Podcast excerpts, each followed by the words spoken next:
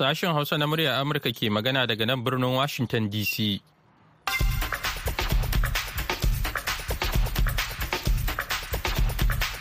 Masu sauraro Assalamu alaikum barkanku da asuba da fatan an wayi gari lafiya. Muhammad Hafiz Baballe ne tare da Maryam Dauda sauran abokan aiki muke farin cikin kasancewa da ku yau talata 21 ga watan Fabrairu na shekarar 2023. Kafin ku ji abubuwan da muke tafa da su ga Maryam da kanin labarai. To Hafiz a wannan makon ne Majalisar Ɗinkin Duniya za ta kaɗa kuri'a akan wani ƙuduri da zai jaddada mahimmancin neman hanyar samar da zaman lafiya mai ɗorewa a Ukraine shekara ɗaya bayan da Moscow ta yi wa makwabciyar ta kutse. Wata sabuwar girgizar ƙasa mai ƙarfin maki 6.4 ta kashe mutane uku a jiya Litinin tare da jakata wasu fiye da 200 a sassan ƙasar Turkiyya. Adadin mutanen da suka mutu sakamakon harin da 'yan ta'adda suka kai wa rundunar sojan burkina faso a arewacin ƙasar a makon jiya ya karu zuwa 51 kanin labaran kenan. A ci gaba da kawo muku rahotanni na musamman kan halin rayuwa a jihohin najeriya inda ake shirin gudanar da zaɓe. A yau za mu duba tarihin siyasa da tattalin arziki a jihar plateau da ke arewa maso tsakiyar najeriya. A plateau akwai fannoni da yawa wanda jama'a za su iya su yi amfani da shi domin su su gina rayuwarsu ta gefen masana'antu ba shi da yawa a plateau amma an an duba dai zancen yin gona ko na lambu na lokacin rani ko kuma na lokacin damina mutanen plateau suna son noma. Muna tafa da ƙarin bayani. Kamar kowace ranar talata yau ma muna tafa da shirin tsaka mai wuya da aliyu mustapha sakko take gabatarwa. Amma kafin nan sai ku gyara zama ku sha labaran duniya kashi na farko. Jama'a Assalamu alaikum ga cikakkun labaran. A wannan makon ne Majalisar Ɗinkin Duniya za ta kaɗa kuri'a akan wani ƙuduri da zai jaddada mahimmancin neman hanyar samar da zaman lafiya mai ɗaurewa a Ukraine cikin gaggawa shekara ɗaya bayan da Moscow ta yi wa makwabciyar ta kutse. Ƙudurin wanda Ukraine ta rubuta bayan ta tattauna da ƙasashe abokan hulɗarta da kuma ƙasashen da ke da ra'ayi. Za a kada kuri'a a kansa a ƙarshen wani zaman majalisa na gaggawa na musamman da za a fara gobe laraba da yamma a kuma ci gaba da yinsa har zuwa ranar alhamis ƙudirin ya jaddada buƙatar neman hanyar cimma cikakken zaman lafiya mai ɗorewa da ta je daidai da ƙa'idojin majalisar ɗinkin duniya tare da yin kira ga mambobin majalisar da ƙungiyoyin ƙasa da ƙasa da su goyi bayan wannan ƙoƙari. Kudirin ya kuma buƙaci a kawo ƙarshen fada tare da janye sojojin rasha daga yankin ukraine a cikin iyakokin ƙasar da ƙasashen duniya suka amince da su. Hakan na nufin har da yankunan da rasha ke ikirarin ta mamaye. Wata sabuwar girgizar ƙasa mai ƙarfin maki 6.4 ta kashe mutane uku a jiya litinin tare da jakata wasu fiye da 200 a sassan ƙasar turkiyya. Inda wata gagarumar girgizar ƙasa ta shafa makonni biyu da suka wuce wadda ta yi sanadiyar mutuwar dubban mutane a cewar hukumomin ƙasar. Ƙarin wasu gine-gine sun ruguje lamarin da ya sa wasu mutane suka makale yayin da aka samu rahoton mutane da yawa sun jikkata a makwabciyar ƙasar Siriya. Girgizar ƙasar ta ranar Litinin ta fara ne a garin Daphne da ke lardin Hatay na Turkiyya. Ɗaya daga cikin yankunan da girgizar ƙasa mai ƙarfin maki 7.8 da ta auku a ranar 6 ga watan fabrairu ya shafa. An ji girgiza a syria jordan cyprus isra'ila da kuma masar. Ministan cikin gidan turkiya suleiman soilu ya ce mutane uku sun mutu sannan wasu 213 suka jakkata. Ana ci gaba da aikin nema da ceto a wasu gine-gine uku da suka ruguje. Inda aka yi imanin mutane shida sun makale. Adadin mutanen da suka mutu sakamakon harin da 'yan ta'adda suka kai wa rundunar sojan Burkina Faso a arewacin ƙasar a makon jiya ya karu zuwa 51 a cewar jami'an sojan ƙasar bayan da aka gano karin gawarwaki 43. An yi wa sojojin kwantan bauna ne a lardin Wadaland na yankin Sahel tsakanin garuruwan Diyu da Warsi a cewar rundunar sojan Burkina Faso a jiya Litinin. An tura ƙarin jami'an tsaro zuwa yankin kuma wasu da ba a tabbatar da adadinsu ba da suka jikkata an kai su asibiti. Kasar da ke yankin yammacin Afirka ta sha fama da tashin hankali mai nasaba da ƙungiyoyin alka'ida da ISIS tsawon shekara bakwai wanda ya yi sanadiyar mutuwar dabban mutane tare da raba kusan mutane miliyan biyu da matsugunansu da kuma haifar da matsalar jinƙai. Gazawar gwamnatoci wajen magance matsalar yadda ya kamata ta haifar da juyin mulki har sau biyu a shekarar da ta gabata. inda kowane shugaban mulkin soja ke yin alkawarin kawo ƙarshen hare-hare da kuma tabbatar da tsaro a ƙasar amma duk da haka haƙa ba ta cimma ruwa. To kuna sauraron labaran ne daga nan sashen Hausa na muryar Amurka a birnin Washington DC.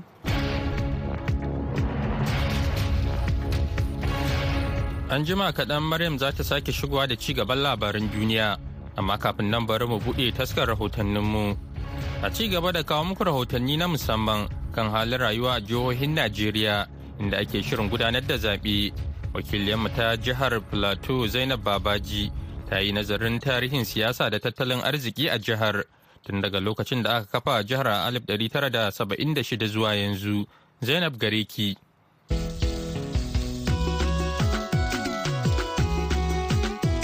talaka kamar kuka kuri'ar ka yancinka ka riƙe makamanka ita za ta cece ka talaka kamar kuka Jihar Plateau da ke shiyar arewa ta tsakiyar Najeriya tana da taken garin zaman lafiya da wuraren shaƙatawa. Hakan ya samu ne saboda kyakkyawan yanayi na sanyi da wurare masu ban sha'awa da rafuka da koramu da ɗimbin ma'adinai na ƙarƙashin ƙasa. Jihar Plateau da ke da ƙabilu fiye da hamsin ta kasance mahaɗa ce ta shiyoyin arewa da kudu wanda hakan ya janyo al'umma daga jihohi daban-daban har ma da 'yan ƙasar waje suka yi zango a jihar don kasuwanci da sauran sana'o'i. Tun bayan da tsohon shugaban Najeriya Janar Yakubu Gawan ya kirkiro jihar Plateau daga Benue Plateau a shekara ta 1976, gwamnoni da dama na soji da farar hula sun yi mulkin jihar. Mr. Herbert Daniel ya ce jama'a sun fara fahimtar muhimmancin shiga harkokin zaɓe. Yanzu ka mutane sun waye sosai kowa yana so ya sa hannu a cikin zaɓen da za a yi. Domin a da wani za su ce ai zaɓen nan bai shafe su ba. Wani abin da na gode ma Allah da ina gani shine duk wanda suka fito suna neman zaɓen nan a cikin duka parties da na gani suna amo a cikin kamfen nasu dukkan sun sa abin da suke yi so abin da ina so su duba shine wannan jihar namu din yana da dumbin albarka da bai kamata muna ta fama har yanzu ba Jihar Plateau na da ma'adinai na ƙarƙashin ƙasa da suka haura kashi 20 wanda bayanai ke nuni da cewa tun a shekara ta 1902 ne turawan Birtaniya suka fara haƙa da sarrafa kuza a jihar ta Plateau. Mr. Kura Joshua ya ce akwai abubuwa da yawa da gwamnati za ta bunƙasa don jama'a su sami ingancin rayuwa. a plateau akwai fannoni da yawa wanda jama'a za su iya su yi amfani da shi domin su su gina rayuwarsu ta gefen uh, masana'antu ba shi da yawa a plateau amma an an duba dai zancen yin gona ko na lambu na lokacin rani ko kuma na lokacin damina mutanen plateau suna son noma to amma yanzu in ka duba farashin taki nawa ne manomi guda nawa ne zai iya ce zai iya sayi buhun taki ma guda ɗaya ya yi amfani da shi. Zancen ma'adinai yanzu in ka tashi ka je ka fara yin ma'adinai yanda matasa suke suke kuka shine za a zo a kama ka. A ce kana yin illegal mining wato kana, kana neman ma'adinai ba tare da izinin gwamnati ba. To amma matasan nan wasu suna ce to a ba mu izini in ma in za mu iya mu biya haraji ne ba su samun wannan zarafi. Amma za ka ga wani zai tashi daga kasan waje ya zo ya sayi waje yana tonon ma'adinan nan yana kwashe yana tafi da shi gwamnati ba za su ce mishi komi ba. Kafin konewar babbar kasuwar Jos shekara 22 da suka gabata, masana sun ce tana cikin manyan kasuwanni da ake tunƙaho da su a Afirka ta yamma. Alhaji Sabo Fari, mataimakin shugaban kasuwar New Market a Jos, ya ce babban buƙatar su shine tsaro. Kwastomominmu da suke wasu garuruwa suke tahowa, to kin ga rashin tsaron nan ya wargaza su mu ma ya taba mu. Sai kuma wannan magana ta masifar tsadan mai. Wani ko yana so ya zo ya yi sayayyar in ya auna abin da zai kashe a hanya to gaskiya zai haƙura sai dai ya tura ma abin da idan shi ya gani kamar shi webil webil kuma dama a kasuwanci ba kamar zuwa da kai ba ne abin ya taɓa 'yan kasuwa sosai kuma musamman mu a jos north.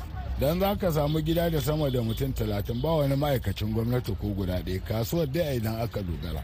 So in dai gwamnati gaskiya ba za ta dinga kallon talakawa ba to wannan abin zai iya shafan su suma. Saboda in kai ka tsara ɗanka ka ba shi duk abin da yake buƙata to wanda baka tsaran ba shi zo zai addabe ka ya addabi 'ya'yanka ya addabi duk wa'inda kake ganin ka killace. Kan matsalolin tsaro da ake samu a jihar kuwa malaman addinai na kan hudubar zaman lafiya da gudanar da zaɓe ba tare da tashin hankali ba.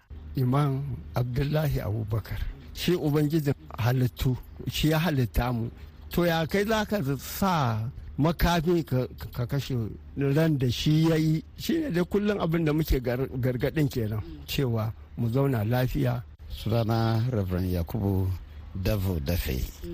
muna wayar da kan jama'a da nuna musu cewa ubangiji shine yake ba da mulki saboda haka abu mai kyau shine an nutsu a shiga cikin zaɓe na wanda an ga ya dace ma jama'a. Zainab babaji muryar amurka daga jos a nigeria.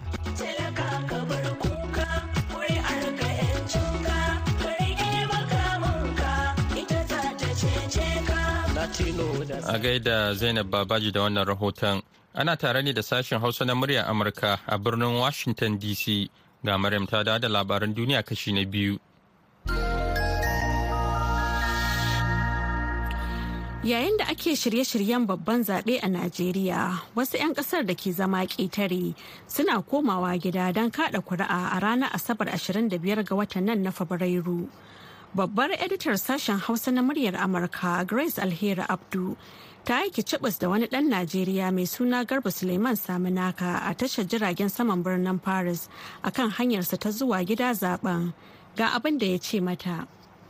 Zan je zaɓe mana mu tabbatar da an yi zaɓen nan lafiya an gama shi kuma lafiya. Kai kana da katin zaɓe kenan. na da katin zaɓe na aini duk abu da aka yi a najeriya na national id card ɗin nan da su driving license dina duk ban barin wa'annan abubuwan da rijista na zaɓe na duk na yi To ka ga jiya ka ga yau a fannin zaɓe duk da yake ba gida kake ba dai na hakikanta cewa kana bibiyan abubuwan ke ta faruwa. To a hakikanin gaskiya mun ji abubuwa daban-daban da yake faruwa. Muna gani kuma a midiya muna gani ana ta tuturawa a kafofin labarai da sauransu. Abubuwan da na gani wanda ya sha bamban da zaɓuɓɓukan da aka yi shekaru da dama da suka wuce. Shine maganan kuɗin nan yadda mutane suka shiga cikin halin ha'ula'i. To manufar gwamnati kamar yadda waɗansu suke cewa cewa an yi wannan canjin kuɗi gab da zaɓe saboda jama'a kada su sai ƙuri'a ba kuɗi a hannun mutane ballantana a fito ana rabawa mutane domin su zaɓi wata jam'iyya. To abubuwan da ya sa mutane suka shiga cikin halin ha'ula'i kenan a wannan lokaci bambancin shi kenan da zaɓuɓɓukan da na gani wanda aka yi da. To kamar nan Amurka inda kake in zaɓe ya kusa irin haka za a yi ta binciken ra'ayoyin jama'a cewa ne me kake ji game da 'yan takarar musamman waɗanda suke kan gaba? To abubuwan da nake ji game da waɗannan 'yan takara wato kamar yadda bahaushe ne ko kuma yadda dai akan ce sarki zaɓen Allah to in ka ga gangamin siyasa wanda aka yi na tinubu jama'a da suka fito kwansu da kwarkwatansu sai ka ce kai ba ma mamaki shi zai ci. Haka kuma a tikun in suka yi nasu gangamin a ko ina ne jama'an da zaka ga sun fito kamar farin dango to sai ka rasa wane ne zai ci. Hatta wannan peter abin da yake dai ba wai support din da yake da shi a arewa bai kai kamar yadda yake da shi a can kudu da sauransu ba. Shi ma an ka gana shi jama'an in sun haɗu za ka kamanto sai ka gama shi ma zai iya ci. Ko na su kwankwasa shi ma in sun fito sun yi nasu. Saboda haka ba a san macito ba dai sai miya ta kare. akwai banda waɗannan manyan 'yan takara guda huɗu da ka ambata akwai kuma sauran jam'iyyu ya kake jin takararsu? Eh to akwai waɗanda suke cewa ma kamar waɗansu jam'iyyu masu ƙarfi ne suke tsaida waɗansu takara don daga baya su ce sun janye. To ka kin ga dai kamar su manja ali mustapha ni dai ban ga wani gangami da aka yi kamar wanda zan ce yes ya jijjiga ƙasar ba. To amma da yawa yana da magoya baya da kuma na su prp su ma duk suna da nasu da kuma wa'yansu jama'in da ban san sosai sosai ba dai. Amma kowa yana da nashi magoya bayan. Kuma ta su yi wannan abubuwan da ake cewa maja. Labaran duniya kuka saurara daga nan sashen hausa na murya amurka a birnin washington dc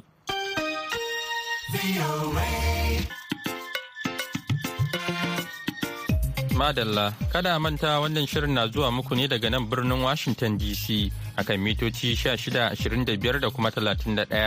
A jamhuriyar Nijar kuma za a iya sauraron tashar mu ta BOA Africa akan mita 200.5 baya ga haka a koda yaushe ake so za a iya zuwa shafukanmu na intanet a boahausa.com yanzu kuma ga shirinmu na gaba. Tsaka mai wuya. Yawanci shi ba fulatani wanda dai aka sani abu fulatani ai ba da rigima. Rigima shi ɗaya ka taba mishi sabinsa dabbasa in baka taba mishi dabbasa ba babu ruwan shi da kai. Amma in ka ɗauki kamar jos yanzu me aka yi wa makiyayan har suka taso suka yi hubbasa suka yi ramuwa gayya? Fulani akwai kashi biyu.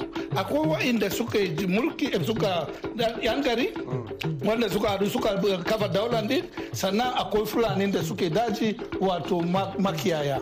Amma ni tambaya ce guda ɗaya.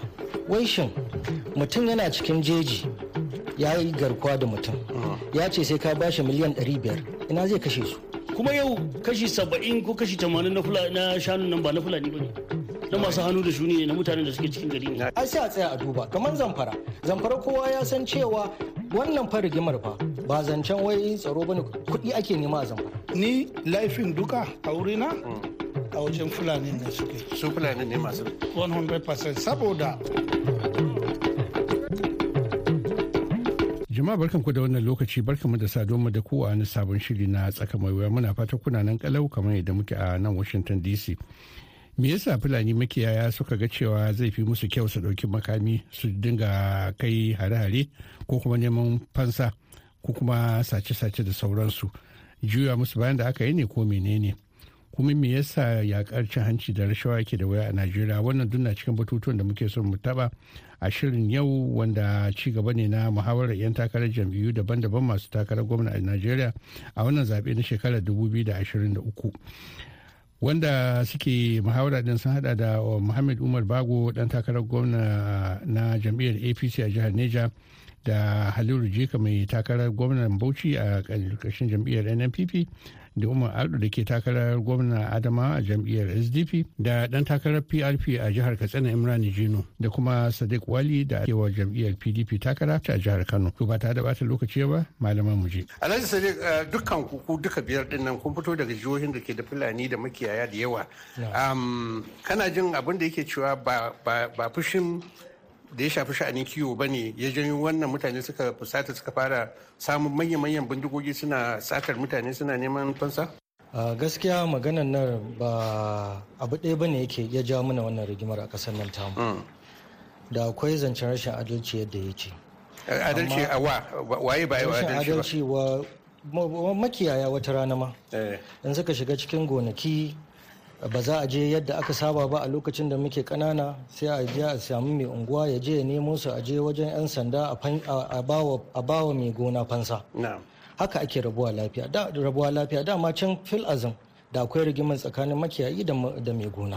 Amma da akwai hanyoyin da ake bi da abin bai ɓaci ba ya taɓarɓare haka. Amma ni tambaya ce guda ɗaya. Wai shin mutum yana cikin jeji ya yi garkuwa da mutum? Ya ce sai ka bashi miliyan 500 ina zai kashe su? Kudin? Ni zai da su a cikin jeji. An ce iyalinsa suna jeji shi yana jeji komai nashi na jeji. Ya karɓi kuɗin ka miliyan 500 miliyan 700 miliyan biliyan guda. Me zai da su a cikin jejin?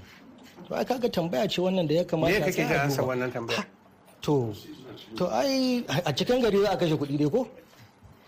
Amma ba shi ne zai saya. sayan makamai da gida zai saya makaranta ya gina. Me yake da su a cikin jejin?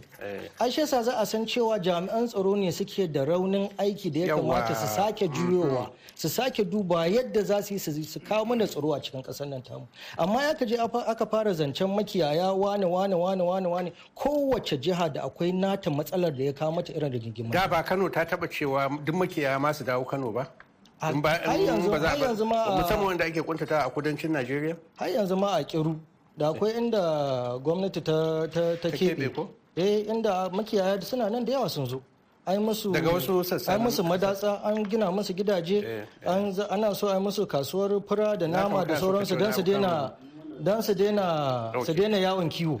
Don su zauna waje ɗaya. Eh. kuma yawanci shi ba fulatani wanda dai aka sani abu fulatani. Na'am. Ai ba da rigima. Rigimar shi ɗaya ka taba mishi Dabbobinsa ba, eh. dabbasa in baka taba mishi dabbasa ba babu ruwan shi da kai. Amma an ka ɗauki kamar jos yanzu me aka yi wa makiyayan har suka suka taso suka yi hubbasa suka yi ramuwa ramuwar gayya? Ai sai a tsaya a duba. Kamar zamfara. Zamfara kowa ya san cewa wannan fa rigimar fa ba zancen wai tsaro ba ne kuɗi ake nema a zamfara. Zan shiga maganar cin hanci. Akwai wanda yake da abin da zai ce kan wannan topic da muke da ba sanata Haliru. Me yake so ka ce ne? to alhaji aliyu karin bayan da zan yi shine zan sake jaddada abin da ya faɗa. Cewan shi ita kanta hanyoyin da muke gani a ƙasashen nan a ƙasar najeriya wanda suka shigar daga wani jiha zuwa wani jiha daga wani karamar hukuma zuwa wani karamar hukuma labin shanu ne. Da shi bature ya yi amfani ya yi titunan nan da su. So kamar yadda ya ce ne maganar rashin adalci ne rashin Ga kula ga su makiyayan. Eh, ga su makiyayan. Kuma yau kashi saba'in ko kashi tamanin na shanun nan ba na fulani ba ne. Na masu hannu da shuni ne na mutanen da suke cikin gari ne su kawai yawanci aikin ah, Kula da su. kawai suke musu To, madalla. Uh, uh, Honorable Bago, kana da ƙarin bayani ne kai ma? e to ni magana na akan maganan fulani Eh. a gaskiya akwai fulani barayi masu satan dabba suna fulani ma da suke daji wannan fulani sun dame su yawancinsu kuwa sun zo ne daga wasu wurare Kamar waɗanne a cikin Najeriya ko a wajen Najeriya? a cikin najeriya kamar niger Eh. to wa'annan fulanin da suke mazauna a wannan ƙasar niger namu da suka daɗe a wurin su ba barayi ba ne Menene? kuma sun san wanda suke zuwa su satan barayin amma gwamnati da ma- masu eh, masana'an tsaro sun ƙi zaunawa da wa'annan fulanin su nuna musu yaya za a yi idan ka ba fulani dama zai kare kanshi da dabban shi. So na tabbatar maka da cewa amma yau yanzu aka ce fulani sun je sun haɗa tarko sun kama bandit ko sun kama rostler ko sun kashe su suka kwashe makamansu. Gobe ko jibi za ga 'yan sanda sun zo. Amma ana ji akwai wasu sassa na Niger State da a 'yan sanda za su zo idan suka zo za su ce to an kashe mutane ina makamansu. An ce akwai amma idan an zo an kashe fulani ne aka wuce ana bara a zo ba. To abin da ake magana shine akwai compromise a magana security architecture namu. Wannan wannan shi ya kama ga maganar cin hanci da shi ok ba ba- Dr. Umar na'am. Eh, bayani eh. akan wannan maganan fulani. Ni laifin duka a wurina a wajen fulani ne suke. Su fulani ne masu laifi. 100% saboda a in ka duba ni historian ne. Ne ta yasi yake laifin su saboda ba eh. abin da nake son shimfida maka in kun yi mulki shekara ɗari kusan huɗu da wani abu a west african coast na Eh. fulani suke riƙe da shi. Amma fulani akwai kashi biyu. Akwai wa'inda suka yi mulki suka yan gari wanda suka haɗu suka kafa daular din sannan akwai fulani da suke daji wato ma- makiyaya. Wa'innan da suka kafa eh, mulkin eh, su da hannun makiyaya nan suka haɗu suka kafa mulkin su amma daga suka kafa mulkin su Eh. ba su aje ba su koyar da wa'innan fulani daji na addini ba ba su karantar da su ba ba su aje su su settling nasu ba ba su kara musu komai ba sun bar su haka. Suna ta tafiya sai aka wayi gari. Jama'a suka yawa. Daji sai yi kare sai ga fulani ga a bayyane. Sai suka zartu kuma ba su taba harka da mutanen gari ba. sai rigima a tashi. Don haka laifin fulani ne. Traditional institutions na fulani da turawa ma suka zo suka buge ai da fulani suka yi. Da turawa za su tafi kuma hannun fulani suka bari. Yet fulani ba su yi ba yan uwansu anything ba belente ba su yi wa sauran jama'a. don haka fulani suke da laifi. na ji laifin fulani. Ka ba da hujjoji. Mu shiga topic na gaba corruption batun da kanka ma zan fara.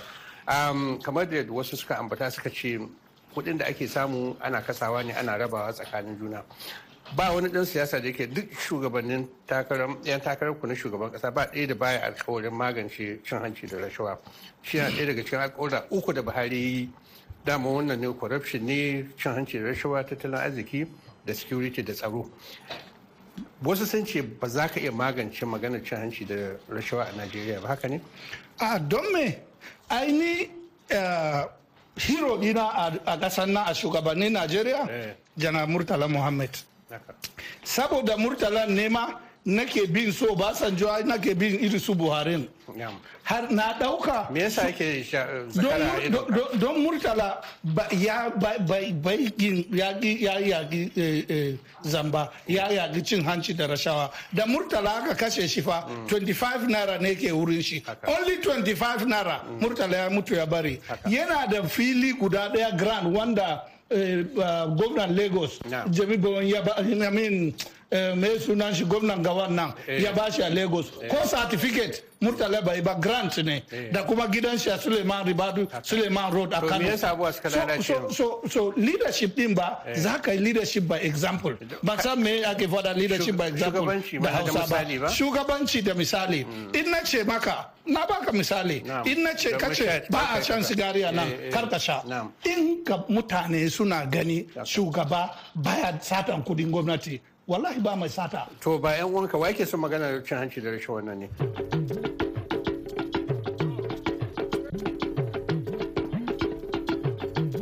To a gaishe ku idan ka dubi Najeriya da kuma tarihinta na siyasa tsakanin manyan jam'iyyunta guda biyu APC da PDP a ƙarƙashin wacce ce aka fi cin hanci da rashawa. Sai ku biyo ma shirinmu na gaba domin jin wannan ansa. Daga bakin 'yan takara guda biyar da muke fira da su wanda kuma muke musu godiya kan wannan tattauna da muke da su. Ina muku magana Muhammad Umar Bago da ke takarar gwamnan jihar Neja a ƙarƙashin jam'iyyar APC da Haliru Jika da ke takarar gwamna a yan npp a bauchi da umar ardo da ke takarar gwamnan adama a jihar wato a sdp da dan takarar prp a jihar katsina imran jino da kuma sadiq wali da kewa jam'iyyar pdp takara ta jihar kano yanzu ka madadinsu da kuma madadin nasiru adamu da ya taimaka aka haɗa shirin nan ne ne ali mustapha sokoto a washington dc ku huta lafiya.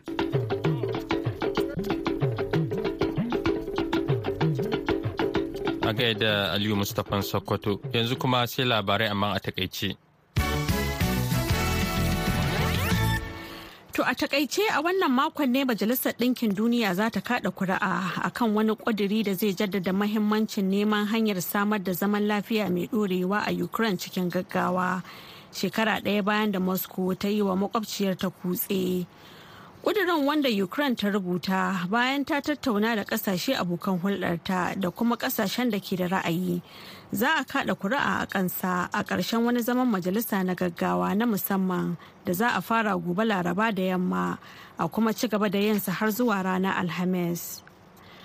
Wata sabuwar girgizar ƙasa mai ƙarfin maki 6.4 ta kashe mutane uku a jiya litinin tare da jikkata wasu fiye da 200 a sassan ƙasar Turkiyya inda wata gagarumar girgizar ƙasa ta shafa makonni biyu da suka wuce wadda ta yi sanadiyar mutuwar dabban mutane a cewar hukumomin ƙasar. Ƙarin wasu gine-gine sun ruguje lamarin da ya sa wasu mutane suka makale yayin da aka samu rahoton mutane da yawa sun jikkata a makwabciyar ƙasar Siriya. Adadin mutanen da suka mutu sakamakon harin da 'yan bindiga wato 'yan ta'adda suka kai wa rundunar sojan burkina faso a arewacin ƙasar a makon jiya ya karu zuwa 51 a cewar jami'an sojan ƙasar bayan da aka gano karin gawarwaki 43 an yi wa sojojin kwantan bauna ne a lardin wadala na yankin sahel tsakanin garuruwan diyo da orsi a cewar rundunar sojan burkina faso a jiya litinin. An tura ƙarin jami'an tsaro zuwa yankin kuma wasu da ba a tabbatar da adadinsu ba da suka jikkata an kai su asibiti. To masu sauraro da haka muka ka ƙarshen shirin namu na wannan lokaci amma idan Allah ya kai mu an jima da hantsi da misalin ƙarfe 8 agogon Najeriya Nijar kamar da Chadi wato bakwai kenan agogon GMT da Ghana za ku ji mu da wani sabon shirin yanzu a madadin Maryam Dauda da ta na gabatarwa sai kuma Jumbe Hamza da daidaita mana sauti kuma ya ba da umarni da ma injiniyan mu na yanzu Muhammad Hafiz Baballe nake sallama da ku daga nan sashen Hausa na murya Amurka a birnin Washington DC.